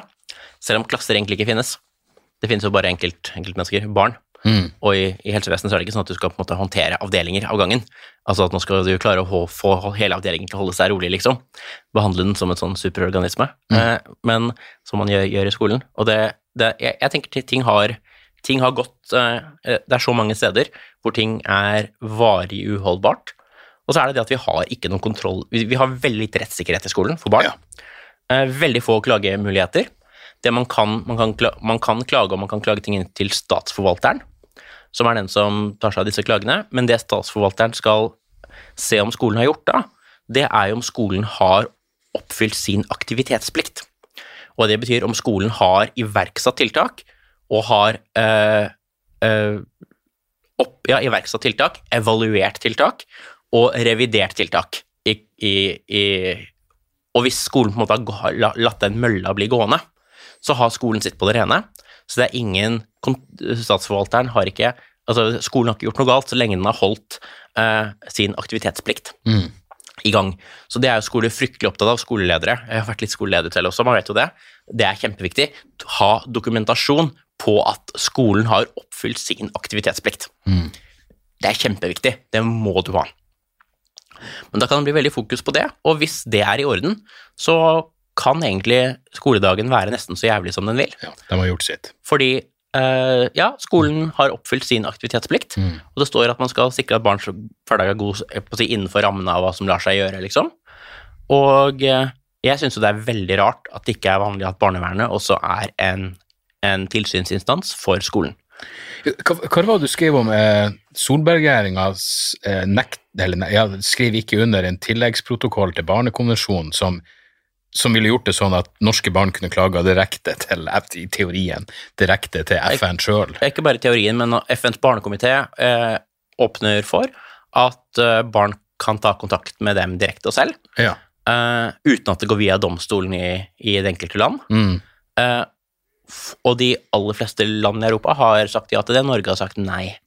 Eh, så, norske sak, så, hvis, så norske barn kan ikke eh, ta forhold som skjer i sitt liv, og kontakte FNs barnekomité. Klart FNs barnekomité kan jo da, vil jo da også for alle de landene som tillater det, avvise det aller meste, eh, men de kan også velge å gripe fatt i det. Ja. Eh, hvis, de, hvis de tenker at det er viktig. Den muligheten har ikke norske barn. Det har regjeringen bestemt, at det, eller Solberg da, har regjeringen bestemt at det skal den ikke ha. Eh, til tross for at eh, de fleste Norges institusjon for menneskerettigheter og altså de fleste Røde Kors og de fleste har vært eh, veldig for at man skulle det, men det har vi ikke. Så eneste muligheten for å kunne på å si, få Altså, du kan få en sosialpedagogisk hjelp i skolen, men hvis du på en måte står i en uholdbar situasjon, da, der du mener du er utsatt for et rettighetsbrudd, da, så har du eh, fryktelig få muligheter til å kunne komme ut av det. Ut av det. Eh, du kan ta en sak, altså siden du ikke kan klage ting Du kan ikke klage til Barneombudet. Barneombudet i Norge eh, tar ikke enkeltsaker. Det skjønner jeg, fordi jeg er 13 ansatte på Ja. landsbasis. Du sammenligner med en Ja. m- under middels stor butikk, liksom. Matbutikk, ja. Mm. Barneombudet er veldig få. Eh, og, og så har du eh, det vi også kaller mobbeombud og elevombud og disse. De er også fryktelig, fryktelig få. Jeg regner på det, og for hver ansatte så er det 35 000 barn eller noe slikt noe. Det er mye. Eh, og de gir sosialpedagogisk hjelp. Barneombudet sier selv at juridisk hjelp til barn, det, da må de egentlig henvise til Kirkens Bymisjon. Eh, for de har, de har eh, Hva heter det? Ung rettshjelp, er det det det heter nå? som er, litt sånn, er under gatejuristen. Yeah. Det eneste måten å kunne få juridisk hjelp for barn i, i Norge, eh, i skolesaker. Og ja, ellers må du ta saken til retten, da. Da må du være 18 år for å kunne ta en sak til retten, og du må betale alle saksomkostningene selv. Mm, nettopp. Som er Risikabelt og vanskelig. Og, og helt Du må legge ut også. i mellomtida Og helt annerledes også enn hvordan det er i Hvis du blir, hvis du blir tvangs, plassert i en tvangsinstitusjon, f.eks., Ja. så har du juridisk hjelp på et helt annet nivå Ja. eh, enn hva man har i skolen, selv om det også er tvang. Men det er skjult tvang. Mm. Og det vet vi nettopp i helsevesenet at det er farlig. Skjult tvang er farlig. Mm. Fordi da anerkjenner vi ikke hva vi egentlig gjør. Eh, og det er en eh, Ja, jeg tror det kanskje skader barn si, veldig, det også. At de ser jo at dette er tvang, men voksne rundt later som det ikke er tvang. ja, nettopp.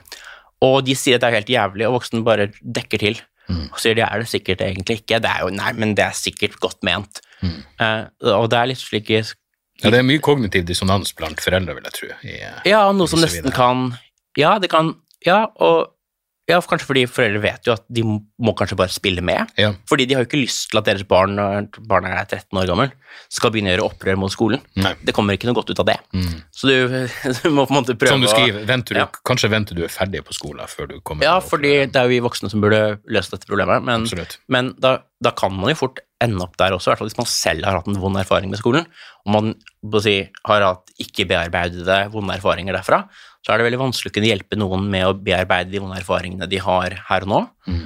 Uh, og derfor jeg, jeg begynner å tenke, jo mer jeg leser om intergenerasjonelle traumer, jo mer tenker jeg på at uh, skolen fungerer litt som et intergenerasjonelt traume, Mm. hvor det bare Ja, vi, vi Det er ikke spekulasjoner men det, det som kalles epigenetikk, at du faktisk kan arve besteforeldre sine traumer også, genetisk sett. Og, Ja, Ja. hvordan det er, det vet jeg ikke. Ja. Du kan i hvert fall arve Nå mener jeg det Nå ser jeg bort fra det epigenetiske ved det. Bare, bare rent du kan Ved at det skjer ting i en familie, noen er utsatt for omsorgssvikt f.eks., da, Ja. så kan det gå videre også til å påvirke hva slags relasjonskompetanse man kaller det, og tilknytningsmønster man har til sine egne barn igjen. Mm. Og, så kan, og hvis du har noen som er eh, psykopatiske eller narsissistiske i en familie, så kan hele familien på en måte, eller utsetter barn for seksuelle overgrep, Mm. så kan hele familien rundt bare ikke snakke om det, eller dysse det ned, ikke ta tak i det, late som det ikke er så ille, late som det er du som er ansvarlig for å selv, Mm. for å hindre at det ikke skjer med deg, for du vet jo at han gjør sånn og sånn er, hvis du gjør slik og slik. Mm. Eh, og på å si hele den dynamikken der, da, at man ikke anerkjenner at det er systemet som kan være forferdelig for et barn, man du avskrive litt det og fortelle at nei, men det er til beste for barn. Uh, og man siterer opplæringsloven som sier at dette skal være så bra. Mm. Jeg tror ikke mange foreldre akkurat gjør det, men, men det er jeg, jeg, tror, jeg tror mange kan føle seg veldig alene i, da, i den erfaringen i at dette er jo forferdelig ille. Ja. Og det blir liksom Det blir ikke anerkjent som den byrden og belastningen og det vonde som det faktisk er. Det er ikke bare forferdelig ille, men det skal liksom være sånn. Ja, og det skal være sånn. mm. Altså, det er, altså, det er ikke ille. Mm. Og hvis det er ille, så skal det være ille. Ja. Og det er det, som er litt, litt rart med skolen, at, at når ting går veldig bra, så, altså, med dette skoleverket, at, at positive effekter av det blir tilskrevet skoleverket. Eh, Negative effekter blir tilskrevet hvert enkelt individ. ja, nettopp. Og Det er også veldig veldig rart. Man skulle tenke at det var en symmetri mellom de to tingene. Ja, så er det jo også sykeliggjøring av naturlige reaksjoner på Ja, veldig. om, omgivelser eller Ja, omstendigheter. bare det å snakke om skolevegring, eksempel, er et veldig rart begrep. Mm. Eh, fordi det, det er jo egentlig da å ha en traumerespons på skolen. Det er det det egentlig er. Mens her snakker man om det som det sykelige er på en måte hos barnet. Så ved at du, du, du ikke tør å være på skolen, da, Mm. da lider du av skolevegring. Så må du få hjelp til det. Det jo, kan jo være institusjonen som er liksom problemet. Ja. Gir som eksempel, Man vil jo ikke snakke om etter en skilsmisse og et barn som er redd for å være sammen med sin far. For eksempel. nettopp. vil jo ikke si at det barnet lider av, lider av farsvegring Mm. og må få liksom angstdempende midler for å klare å samvære med far, liksom. Mm. Du vil jo uh, du, du vil ikke bare ta for gitt at uh, at, det, at, at, at i utgangspunktet er veldig bare greit, og det er et problem hos barnet. Og jeg, det er det som er frustrerende med skolen, at helsevesenet og sosialarbeidere er jo voldsomt inne i å skulle hjelpe barn i skolen, men de er med og hjelper barn enkeltvis med å håndtere systemet, Mm. og er ikke med på å bestemme hvordan systemet i utgangspunktet skal være. Mm. Og det er jo det jeg egentlig formaner litt her, da, at her må Altså for å være konkret, altså Legeforeningen, Barnelegeforeningen, Norsk psykologforening, altså forskjellige som jobber med hva slags behov barn og unge har, Mm. Eh, uttale seg tydelig og si dette er forsvarlig, dette er ikke forsvarlig. Det er sånn vi fikk avskaffet uh, Det er gjennom at, gjennom at folk fra helseprofesjonene ikke lot skolen bare være skole, at vi fikk avskaffet fysisk avstraffelse i skolen i Du understreker at det var ikke en pedagog som kom med, som Nei, det for den kampen. nei, nei, det møtte Og bare det at man skal ha rett til matpause og spise på skolen, eh, var også fra helsehold. Uh, så barn og unges helse er på en måte alles ansvar, i hvert fall når det er et offentlig tvangstiltak. Så må man bruke si, sin faglige kompetanse til å påpeke problemer når man ser dem, eh, og ikke bare tenke at dette er noen andres, eh, andres problem. Eh, jeg tenker at det er, det er veldig skummelt at vi lar en en, et statlig tiltak da, være så ille. Du, du siterte jo noen barne, professorer i barne- og ungdomspsykiatri og sånn, og det er egentlig helt slående hvor, hvor, st- hvor, stort gap det er mellom hva fagfolk mener er forsvarlig, og hva som, hva som gjøres eh, i, i skolen. Klart det kan være det i helsevesenet også, stort sett pga. ressursmangel, men det er ikke slik at, det er ikke slik at en eller annen måte å, å operere en pasient på, på en måte en eh, måte å gjøre noe som, som de aller, aller fleste mener at den er kjempeskadelig. 80% av fagfolk mener at dette er kjempeskadelig, ekspertene på feltet, og likevel gjennomføres det, til og med med tvang, igjen og igjen og igjen og igjen. Ja. Eh, det, er ikke veldig vanlig å se det, og da er man ute i media og snakker der. Det er det en del som gjør, men det er ikke, jeg tar jo til orde for noe så radikalt som at vi trenger en offentlig utredning. Eh, nå slår jeg virkelig på stortromma. Ja. Jo, nei, men du får men det, jo, det høres ut som en sånn ikke-radikal ting. Ja. Altså, nå, Ja, nå må vi virkelig nå må vi ha en norsk offentlig utredning. Det, det, er, det er det vi må ha. Men vi må faktisk ha det Mm. for å samle kunnskapsgrunnlag fra hele spekteret av relevante fag Mm. om hva som er eh, eh, i hvert fall neder grensen for hva som er en forsvarlig hverdag for barn og unge. Ja. Hvor mye tid kan brukes på tvungen skolearbeid? Hvor mye tid må man kunne bruke ute? Hvor mye av de voksnes tid bør være øremerket til å gi opplæring i skolefag? Hvor er 40% 50% 60% Hva kan være forsvarlig? Og så, så vi trenger egentlig for å vite hva er, hva er minstenivået som er forsvarlig. Det må vi få faglige uttalelser om. Og så må vi vite hva som er risikofaktorer, og hva som er beskyttende faktorer. Og det trenger vi for å kunne fatte informerte avgjørelser om hvordan barn og unges hverdag i offentlig regi skal utformes. Ja, du, du, jeg liker veldig godt de sammenligningene og analogiene du kommer med, sånn som det med skolevegring og farsvegring. Det er, jo, det er jo egentlig et triks som man bruker i, i standup òg, å sammenligne ting for å eh, sette ting i det absurde lyset det fortjener å være. Jeg husker en av mine favorittkomikere, en kar som heter Bill Hicks, han, hadde, han er jo død nå, men han hadde en vits hvor han, han pratet om at han tok han tok noe østlig filosofi på videregående, eh, og da hadde læreren sagt noe sånn som at eh, Gud er bevissthet, og vi er alle Gud som prøver å realisere vårt fulle potensial. Og da var det en sånn eh, fotballspillerungdom i klassen som hadde sagt kommer det her på prøven? Og poenget hans var liksom å, se hvor dum han er. Når jeg tenker tilbake på den vitsen, slår det meg det var jo egentlig systemkritikk. For det er jo skolesystemet som gjør at han i det hele tatt eh, ikke klarer å ta inn over seg dybden i det som blir sagt, men bare fokusere på om, om det her er noe han eh, ja, om det her er noe han må forholde seg til på en, på en prøve. Ja, Eh, og du må jo tenke på om det, det er fordi det er relevant for din fremtid. Ja. Du må bruke din tid på å sikre at du, kom, at du får den fremtiden du skal, i et system som veier og måler deg en ekstrem målstyring Mm. på alle måter. Og det at du da ikke reflekterer og tar deg tid til det, det skjønner jeg veldig godt, fordi Mm. du, du gjør Da tar du i så fall en risiko, fordi du, du, du, har, du blir målt på forskjellige steder. Ja. Så det er veldig rart at vi måte utsetter barn for et så voldsomt måleregime, og så klager vi over at de er så opptatt av denne målingen. Mm. Ja, og det, det er jo noe sånn grunnleggende jeg mener, fullt forståelig med for eksempel, eh, og det her vet jeg jo at det har vært forska på også, at eh, elever velger de letteste oppgavene, ikke de som er mest intellektuelt utfordrende, hvis de, har, hvis de har muligheten på en eksamen eller en prøve, fordi de har lyst til å få god karakter. Hvorfor skal du risikere å, å ta inn over deg et, eh, noe som er litt mer ja, nyansert eller, eller mentalt utfordrende, eh, hvis du bare kan gjøre det letteste? Ja, fordi, du, fordi det å fokusere på, på måte, din egen dannelse da, eller utdannelse, det er jo noe du gjør på litt sånn på egen risiko, hvis det ikke gir uttelling i form av karakterer. Ja, Eh, ja nettopp. Og, og, og, det, og derfor skjønner jeg det veldig godt at de spør kommer dette på prøven. Fordi vi lar jo hele deres fremtid avhengig av hvordan de gjør det på den prøven. Mm. Så det, det er jo litt rart å klandre dem for det. Mm. Um, så ja, jeg det, Ja. Nei, det, det, er, er interessant den parallellen til, til komikk, egentlig. Fordi det er jo Det er så mange av det her hvor jeg tenkte fuck, det her kunne jeg gjort om til en vits hvis jeg hadde bare funnet punchline på slutten. Det er veldig god å lage For sammenligninger. For, ja, for jeg, jeg tenker litt at, at, at det, er en Ja, det, det er noe det, er noe litt komisk over skolen også, på en måte. Mm. Man Det ligger rett under den tragiske overflata, så er det ganske mye komisk. Ja. Ja, ja. Eh, det er dette med at Ja, at, eh, at, at når, når fæle ting skjer, så kommer de først når de skjer som Det som først er en tragedie, blir deretter en farse, Ja, ja. som Marx eller noe sa. Mm. Altså, og det, det er litt sant. Når jeg, når jeg ser på å si, skoler nå, og på en måte så, så er det en absurditet over det hele. Mm. Altså, det er, en, det er en dyp tragedie også, men det er også en voldsom absurditet. Mm. Du har disse skolebyggene, eh, som ofte ser veldig lite hyggelig ut også. Det er i hvert fall en viss ærlighet i arkitekturen akkurat der. Hvor de sitter på rekke og rad, disse barna, i sånne store rom. Og så står det noen stakkars voksne og skal prøve å fortelle dem ting og lære dem ting med tvang, uten tvangsmidler. Så mange barn av gangen, i så støyete områder, i så mange timer.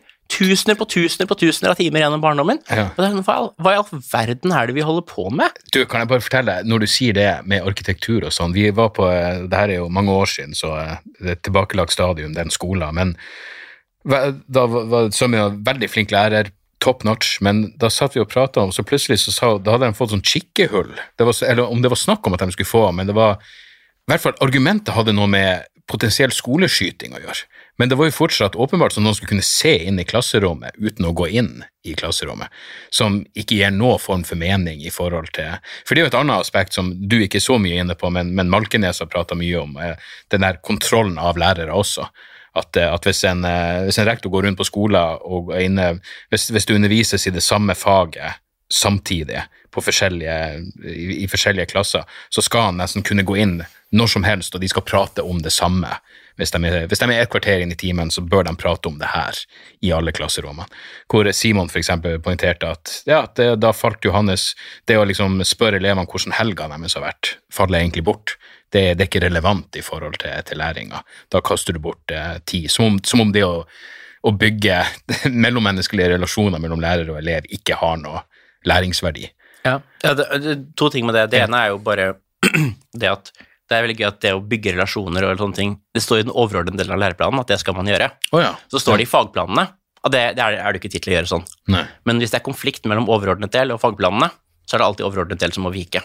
Ja. Og da burde den hete underordnet del. ja. Eh, Absolutt. eh, Egentlig, hvis den alltid skal vike, sånn Ja. som den gjør per i dag. Ja. Men det, det med vinduer i klasserom, det, det har også, eh, fra, hvis jeg skal se på det liksom fra skolelederperspektivet, så er det én ting å holde kontroll med hva som skjer og sånn.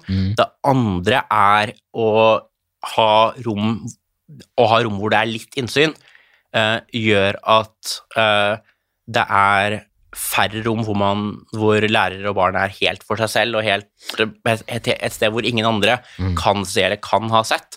Ja. Og det gjør det også mye van som også er farlig i forhold til hva blir påstått om hva som egentlig skjedde. Mm. Eh, så det å ha disse nyere skoler blir alltid laget med at det er en viss innsyn og viss innsikt her og der, ja, okay. eh, som også har med det litt sånn er som å ha kontordøra åpen hvis du prater med en elev eller noe. Liksom at, ja, Ja, du skal, du, du, du, skal jo slippe å ha den åpen, da, Mm. men for da, da er jo lyden forhåpentligvis stengt Ja. ute. Men det er likevel innsyn, det er glassdører, det er sånne vinduer som er liksom sotet, eller hva det er, iset. Mye av dem, men ikke helt nede. Mm. Uh, og det gjør jo også at Ja, så det, det handler også litt om, Ja, okay. om Jeg tror også lærers rettssikkerhet i forhold til hva de kan bli anklaget for at Ja, har skjedd, Mm. og, og litt også bare det juridiske rundt det. Ja. Jeg tror det er en del av, okay. Av tanken. Det, det, det er mening. I hvert fall så er det det jeg vil, vil Når jeg tenker på dette fra sånn, ja, skolelederperspektivet, Ja, så det, vil, har jeg forståelse for at man, at man sier at ja, alle rom har jo faktisk et visst innsyn fra omgivelsene. Mm. Det er ikke slik, og det, det er eh, Det kan gi veldig mening også, som et litt sånn benthamsk panoptikon. Ja, det, I, i det man skal eh, Mm. Som jo også var laget fra Benthams side for å beskytte, beskytte fanger. Vi var fengselske, ja. Ja, for å beskytte fang, men for å beskytte fanger mot overgrep fra, fra fangevoktere. Ja, akkurat. Uh, uh, fordi alt kan bli sett, alle kan bli sett, så da, da, da må du da må du være det, det, det gjør også at du Det skal kunne beskytte den svake parten også. Ja. Du, eh, det, vi, det, det høres jo sikkert for mange eh, ut som vi fokuserer veldig på negative ting, og det er jo selvfølgelig utgangspunktet for, for enhver kritikk, men halve boka di handler jo om hva vi kan gjøre. Jeg vil bare understreke det, og der adresserer du jo spesifikt, og i kapittel som kan leses hver for seg, du skriver jo at hvis du er Altså, du adresserer helse- og sosialarbeidere, lærere, elever, foreldre og politikere. Og så sier du hvis du er en foreldre og har bare lyst til å lese om det, så kan du lese det kapitlet. Men bare kort om Jeg syns det er interessant at du påpeker, med hensyn til, til det politiske aspektet, at selv om det tradisjonelt har vært den politiske venstresida som har fokusert på skoler som en omsorgsarena, så, så sier du at det her er noe som i like stor grad burde opprøre den politiske høyresida. Ja, jeg, hvis man, enten man er på, en på den liberale eller konservative høyresiden, så tenker jeg at man må øh, på siden til for det første at i en sånn større historisk sammenheng så er skolen et moderne eksperiment. Mm. Eh, egentlig er skolen industrialisering av barndommen, eh, sånn som jeg begynner å se på det. Ja.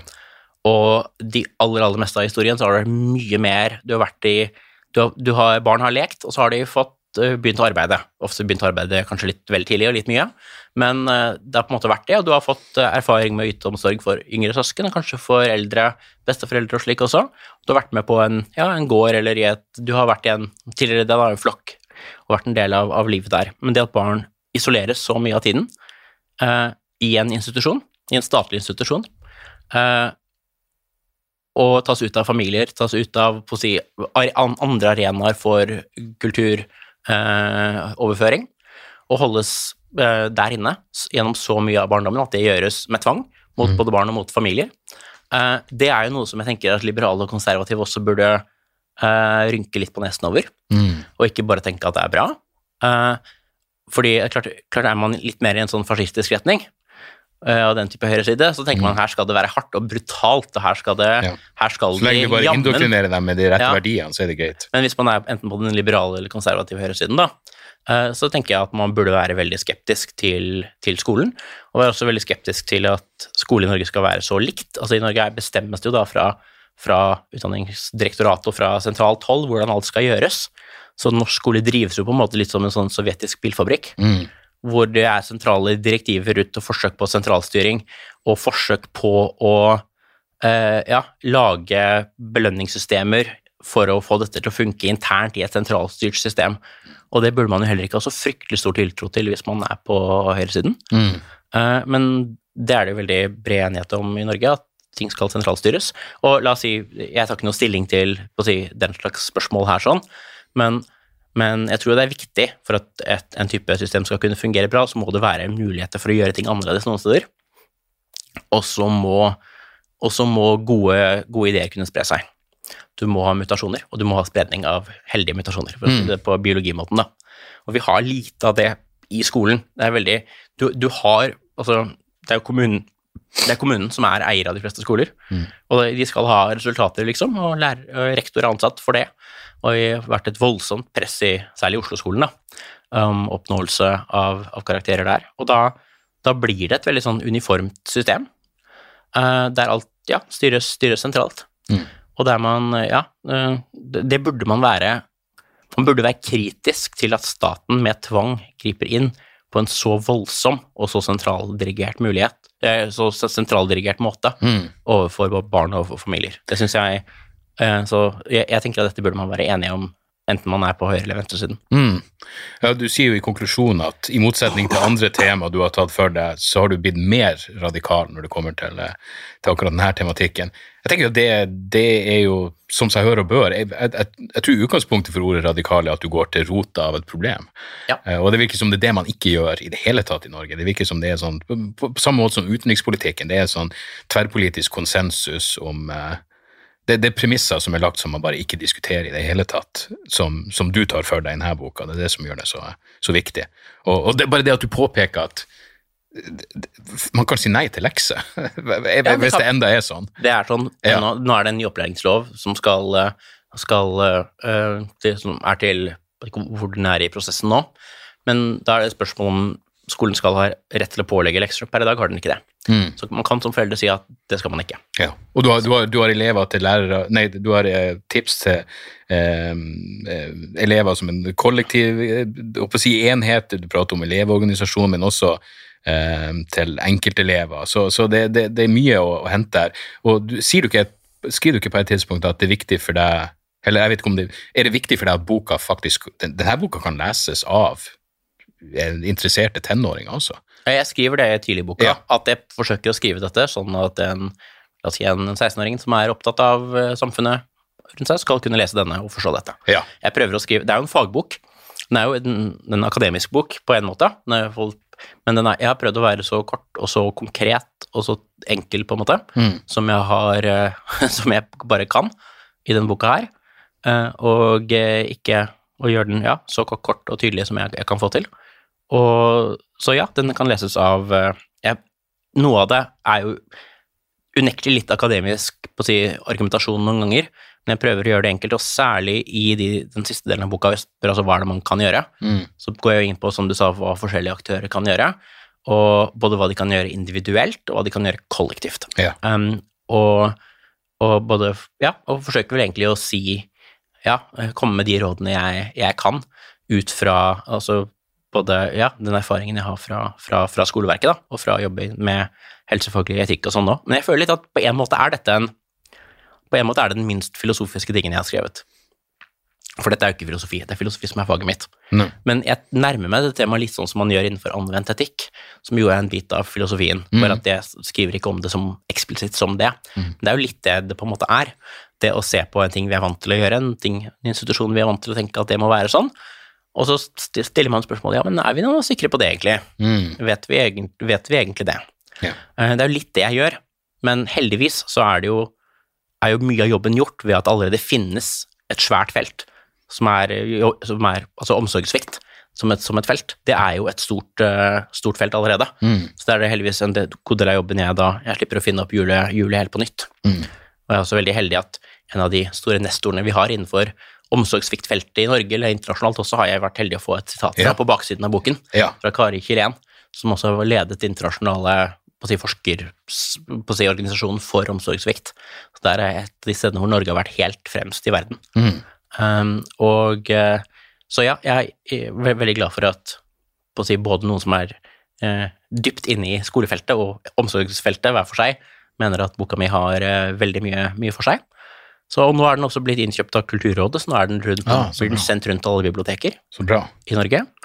Og ja, nei, jeg, jeg håper jo folk, eh, folk leser den og får noe ut av den. Ja, jeg den- tenker jo det, det her er jo obligatorisk for alle som har barn i skolen, tenker på å få barn i skolen, eller har vært et barn i skolen. Og den koster 229 kroner. Det er ikke all verdens ille for en helt ny hardcover-bok. Nei, absolutt ikke. Jeg, måtte, vi måtte Jeg prøvde å få presset ned det jeg kunne i, i, i pris Ja. eh, overfor forlaget, altså hvor Cappelen Dam som Ja. den, og de var også happy med det, men den er jo en, det er jo en veldig billig bok til å være en helt ny, Mm. innbundet bok. Ja. Så det er viktig for meg at, det er, eh, at den skal være tilgjengelig. Tilgjengelig. Mm. Og ja, nei, det, er ikke, det er ikke planer om å lydbok, eller det? jo, det kommer også. Ah, så bra. Ja. For det, jeg merker at det er noe jeg bruker mer og mer. jeg Også. Jeg tenker Hvis det er noe som er sånn det her, det her er noe jeg er interessert i, jeg har lyst til å lære om det, men jeg, jeg kan fortsatt bare høre på det.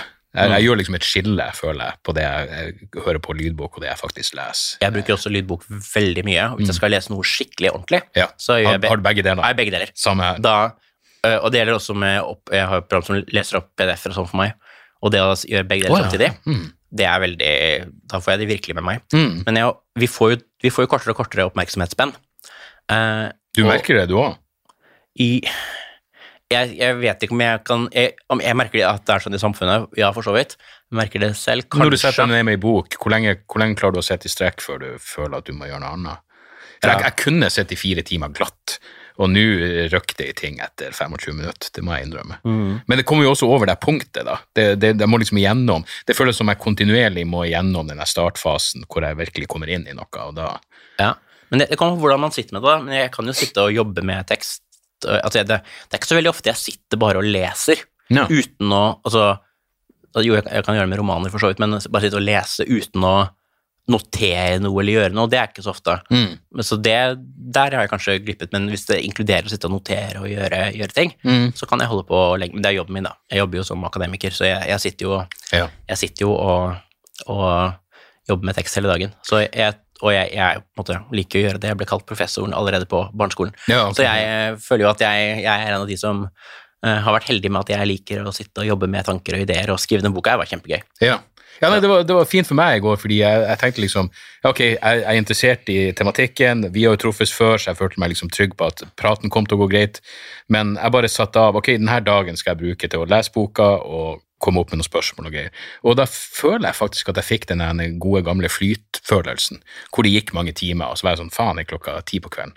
Eh, og det er det lenge siden jeg har hatt, så det, det er godt. Ikke sant? Men da håper jeg kanskje Kan jeg håpe at det har noe med at skrivingen i boka flyter, flyter greit også? Absolutt. Det er veldig, veldig bra skrevet, og, eh, og som du sier, selvfølgelig litt akademisk, men lettlest også. Kanskje mer fiskete etter komplimenter her, kanskje. Du, jeg nei, du er- men det, alle- men, men det, det, det jeg, jeg virkelig prøvde å gjøre det enkelt, altså. Jeg sa til deg før vi starta at eh, jeg, jeg bestemte meg Jeg, jeg tar bestandig og, og, og jeg liker å ta sånne hva det heter, merketusj på Ja. ting som er interessant, men det ender jo selvfølgelig opp med at halve boka er Det, det var et eller annet jeg beit meg merke i nesten på hver jævla side.